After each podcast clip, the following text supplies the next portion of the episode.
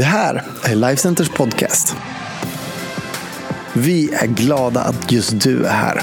Allt du behöver veta om oss och vad som händer i kyrkan det hittar du på Lifecenter.se och våra sociala medier. Här kommer veckans predikan. Tack PE. Stort tack till PU och Ulle som har gett mig förtroendet idag att tala till dig. Um, vilket är en stor ära. Jag har känt PU och Ulle sedan jag var barn. Eh, det var ungdomspastorer i Huskvarna när jag växte upp. Um, vilket är en underbar plats. Tråkigt att det inte anammade dialekten från Huskvarna bara. Um, ehm, troligtvis den mest exotiska dialekt man kan ha, du vet. Uh, tror det hade berikat deras liv enormt om de bara hade börjat tala huskvarnska. Vi älskar era pastorer, det betyder massor för mig personligen och oss som par. Um, jag har dem att tacka för mycket av det jag gör idag. För er som kanske inte vet så bodde jag i Västerås i nästan sex år. Eh, mellan 2007 och 2012. Otroligt bra år där jag lärde mig mycket och har många härliga minnen. Jag, vet, eh, jag var och sprang mycket på Rocklunda, åt sallad på Kains Café, kaffe på Gränden, åtskilliga koffa, äh, koppar kaffe med Josef Barkenbom som ni vet vem det är. Middag på Vardag. Jag tror det var typ en turkisk restaurang så jag kallar den för Varda tills någon sa till mig att det uttalas Vardag. Eh, grilla på Björnen och självklart livecenter på söndagarna. Nu bor jag med min fru Tenil och vår treåriga son Bo, Bosse, eh, i Milano, Italien, där vi leder Hillsong Italien, vilket är som privilegium. Här sitter jag i vår soffa där vi har filmat många gånger över de senaste månaderna. Jag träffade min fru på Hillsong Conference i London 2011 när jag var över med P.E. och Ulle. Eh, Pia Ulle tog med, med mig på nätverkslunchen. Eh, där var Tenil en av volontärerna. Tenil såg lite desperat ut där hon stod. Så jag kände att jag var tvungen att prata med henne som den goda kristna människa jag är. Uh, nej, det är inte sant, men hennes ögon totalt golvade mig. Uh, long story short, vi hamnade på samma tåg den kvällen uh, då hon bodde i närheten av där jag stannade. Uh, sedan Eh, hittade vi varandra på MySpace eller Facebook eller något, jag kommer inte ihåg. Vi hade sedan en lång eh, distansrelation i över ett år tacka Gud för Ryanair och billiga biljetter. Sedan bestämde jag mig för att flytta till London där Tanja bodde. Sex månader senare gifte vi oss. Det gick fort, var tvungen att handla snabbt så hon inte stack. Uh, and the rest is history. Så vad kan du lära dig av detta? Uh, jag tror du kan lära dig att signa upp för nästa års Hillsong Conference i London om du är singel. Anything can happen and it probably will. Även om du inte är singel så kommer du älska konferensen tror jag. Så signa upp till nästa år.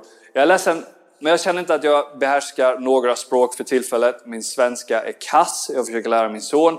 Min engelska blir sämre och sämre och min italienska är under all kritik, så be för mig.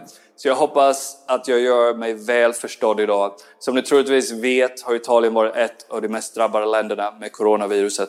Vi har världens näst äldsta befolkning efter Japan, så det drabbar oss superhårt. Och speciellt vår region där vi bor. Det har inte varit en lätt tid för oss som familj, som kyrka eh, och för folket i vår kyrka. Men det har även varit en otroligt givande tid. Eh, vi hade ambulanser körandes utanför vår lägenhet konstant då det var som värst.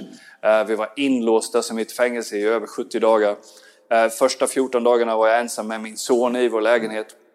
Tenel var på Color i Sydney och höll på att inte bli insläppt från Schweiz när hon kom tillbaka efter att ha rest i nästan 50 timmar från Sydney. Jag gick till affären en gång i veckan, Tenel gick en gång i veckan när hon var tillbaka. Ehm, vi fick inte gå någonstans annat än mataffären och apoteket. Så det var full lockdown. Jag tror vi var en av de första Hillsongkyrkorna att starta Church Online. Problemet var att det som kunde nå de här filma flydde vår region så fort det stängdes ner. Så vi hade ingen som kunde hjälpa oss. Och vi fick inte se eller träffa några människor. Det betyder att jag och min fru var tvungna att ta en crash course och lära oss filma, sätta upp ljuset och hur man beter sig framför kameran otroligt fort. Och jag försöker fortfarande lära mig detta. Tené var första kameraman eh, och hon tar bokningar om ni skulle behöva hjälp med någonting. Hon är otroligt duktig nu. Ehm, De kallar henne vår tids Steven Spielberg, så eh, signa upp henne för någonting du behöver hjälp. Bo, vår son, var vår ljudtekniker. Med ljudtekniker menar jag att han var tvungen att hålla tyst och förhoppningsvis sova när vi filmade. Vi hade honom bokstavligen sovandes på soffan framför oss. Eh, när, vi, när vi filmade för mors dag vaknade han precis i slutet och ropade efter mamma. Perfekt timing. Eh, jag kan tänka mig att det kan ha varit jobbigt för många av er eh, med i Sverige och fortfarande är. Det har inte varit en lätt tid. Men personligen har jag lärt mig så mycket om mig själv, om andra eh, och om ledarskap i en tid där det inte har varit enkelt. Du ser, livet är inte alltid enkelt. Men vi bestämde oss när vi gifte oss, jag och min fru, eh, att everything is easy, nothing is a problem. Allt är enkelt, ingenting är ett problem. Vad gör du när livet inte blev som du tänkt? Vad gör du när dina planer inte går som de ska? Eh, vad gör du när det är tuffare än du någonsin kunnat tänka dig? Precis innan vi började filma detta fick jag eh, nyheter som jag inte hade räknat med. Mina planer blev inte vad jag hade hoppats. Ganska typiskt när man ska tala om just detta ämne och, och att detta hände. Um, hur tar jag dessa nyheter? Jag måste vara ärlig och säga att jag inte tog det så bra först. Uh, men efter jag pratat med Gud uh, och min fru såg jag annorlunda på hela situationen. Um, så idag har jag bestämt mig för att kalla predikan för Frågan är inte hur du har det, utan hur du tar det. Frågan är inte hur du har det, utan hur du tar det. Ska vi be innan vi kör igång? Jesus, jag tackar dig för ditt ord eh, och att du talar till oss idag. Tala till våra hjärtan, förändra våra liv i ditt dyrbara namn, i Jesu namn. Amen, amen. Frågan är inte hur du har det, utan hur du tar det. För några år sedan gick jag igenom en jobbig tid med mycket migräner och högt blodtryck, ångest och dylikt. Det var så illa att jag eh, en dag blev upplockad av ambulans mitt i London efter en panikattack och allt vad det innebär och om du har upplevt det så vet du. Vi hade även precis fått reda på att vi var gravida med tvillingar. Ett par veckor senare fick vi reda på att vi förlorat en av bebisarna, vilket var väldigt eh, ledsamt. Men vi bad och hoppades att det andra barnet skulle vara friskt. Någon vecka efter detta förlorade vi det andra barnet med. Eh, läkarna sa att kroppen kommer naturligt, eh, naturligt göra sig av med dessa små dyrbara kroppar. Hemska tanke. Eh, jag åkte därefter hem till Sverige själv från London för att vila några dagar då jag inte mådde bra. Även innan allt detta hände. Eh, Therese stannade kvar i London och jobbade. Efter några dagar får jag ett telefonsamtal från Therese vän som säger att Therese har blivit körd till sjukhuset för akut operation. Ehm, hon hade fått en infektion i livmodern och var supersjuk och behövde opereras omgående. Om hon inte gjorde det så kunde det gå riktigt illa. Ehm, så jag hoppar på nästa plan och åkte direkt till sjukhuset för att vara där när hon vaknade upp. Det var ingen lätt tid i våra liv. Men vi bestämde oss för att alltid hålla huvudet högt och förtrösta oss på Gud. Eh, frågan var inte hur vi har det, för det var tungt, utan hur vi tar det. Det var otroligt tufft, otroligt tuff tid. Eh, hur tar vi denna omständigheterna inte blir som vi hade planerat? Vem ser vi till? Lyssna på detta från Hebreerbrevet. Hebreerbrevet 12, 1-2 så står det så här. När vi alltså har en så stor sky av vittnen omkring oss, låt oss då lägga bort allt som tynger, särskilt synden som snärjer oss så hårt och löpa uthålligt i det lopp som vi har framför oss. Och låt oss ha blicken fäst vid Jesus, trons upphovsman och fullkomnare, som istället för den glädje, glädje som låg framför honom, utstod korsets lidande utan att bry sig om skammen och som nu sitter på högra sidan om Guds tron. Jag vill ge dig tre punkter som jag hoppas kan hjälpa dig idag när livet inte blir som planerat. Den första är, sluta inte planera. Sluta inte planera. Ordspråksboken 16.9 säger detta. Människan planerar sin väg men Herren leder hennes steg. Det är okej okay att ha planer. Vissa av oss har en ingen plan-plan. Vissa av oss älskar att planera. När vi är på semester planerar vi redan nästa års semester. Vi älskar att ha något att se fram emot. Eh, på måndagen ser vi fram emot fredagen. På fredagen ser vi fram emot lördagen. Och, på, eh, och att få sova om vi inte har barn. Eh, eller jobba helg. På lördagen ser vi fram emot söndagen och kyrkan förhoppningsvis. Vi planerar, drömmer och ser framåt. Men många gånger blir det inte vad vi förväntat oss och vi blir besvikna. Vi besvikna på oss själva, på vår familj, på våra vänner och till och med på Gud. Förväntan är så stor att vi tycker att allt ska ske på ett visst sätt. Eh, jag bestämde mig för att sluta förvänta mig saker på ett visst sätt. Jag vill inte planera hur Gud leder mina steg. Jag lämnar det till honom. På engelska använder vi orden expectation och anticipation.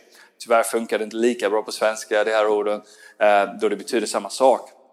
Men expectation kan många gånger ses lite negativt. Eh, det blev inte som jag hade förväntat mig, as I expected. Anticipation har en mer positiv klang till uh, I am anticipating. I don't know how it's going to happen, but I know it's going to happen and I'm excited about it. Jag förväntar mig, jag vet inte hur det kommer hända, men jag vet att det kommer hända på något sätt. Eh, min förtröstan är inte på hur eller vad, men på vem som kommer förändra situationen. Vilket leder mig till nästa punkt som är, du blir inte besviken på Gud. Bli inte besviken på Gud. Det är lätt att säga John, jag vet. Och ibland kan vi verkligen känna besvikelse över vår situation och att Gud inte bryr sig. Men jag lär, jag lär mig varje dag att se till honom. Trons upphovsman och fullkomnare. När jag inte har något mer att ge eller någon mer kraft kan jag fortfarande förlita mig på honom. Eh, lyssna på det här ifrån Andra Korinthierbrevet 12.10 så står det så här. Det är därför jag för Kristi skull gläds i svagheter, kränkningar, svårigheter, förföljelser och ångest som jag pratade om innan. Alla prövningar som vi kan gå igenom. Och lyssna på det här i slutet av verserna. För när jag är svag, då är jag stark. När jag är svag, då är jag stark. But it doesn't make sense. Eh, och i Jakobsbrevet så står det så här. Eh, mina bröder, se det som ren glädje när ni hamnar i olika slags prövningar. Ren glädje. Ni vet att när i tro sätts på prov eh, blir frukten uthållighet och låt er uthållighet visa sig i fullmogen handling så att ni blir fullmogna och fulländade utan att sakna något. Se det som ren glädje, inte enkelt. Dö, som vi säger i Huskvarna, det är inte lätt dö.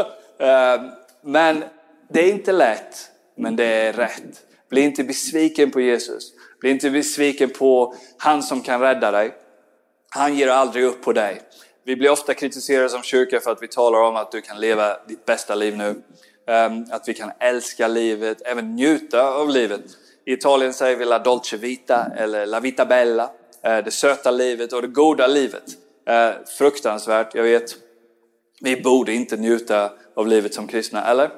Eh, jag älskar vad min pastor Brian Houston alltid säger. Church is not to be endured but to be enjoyed.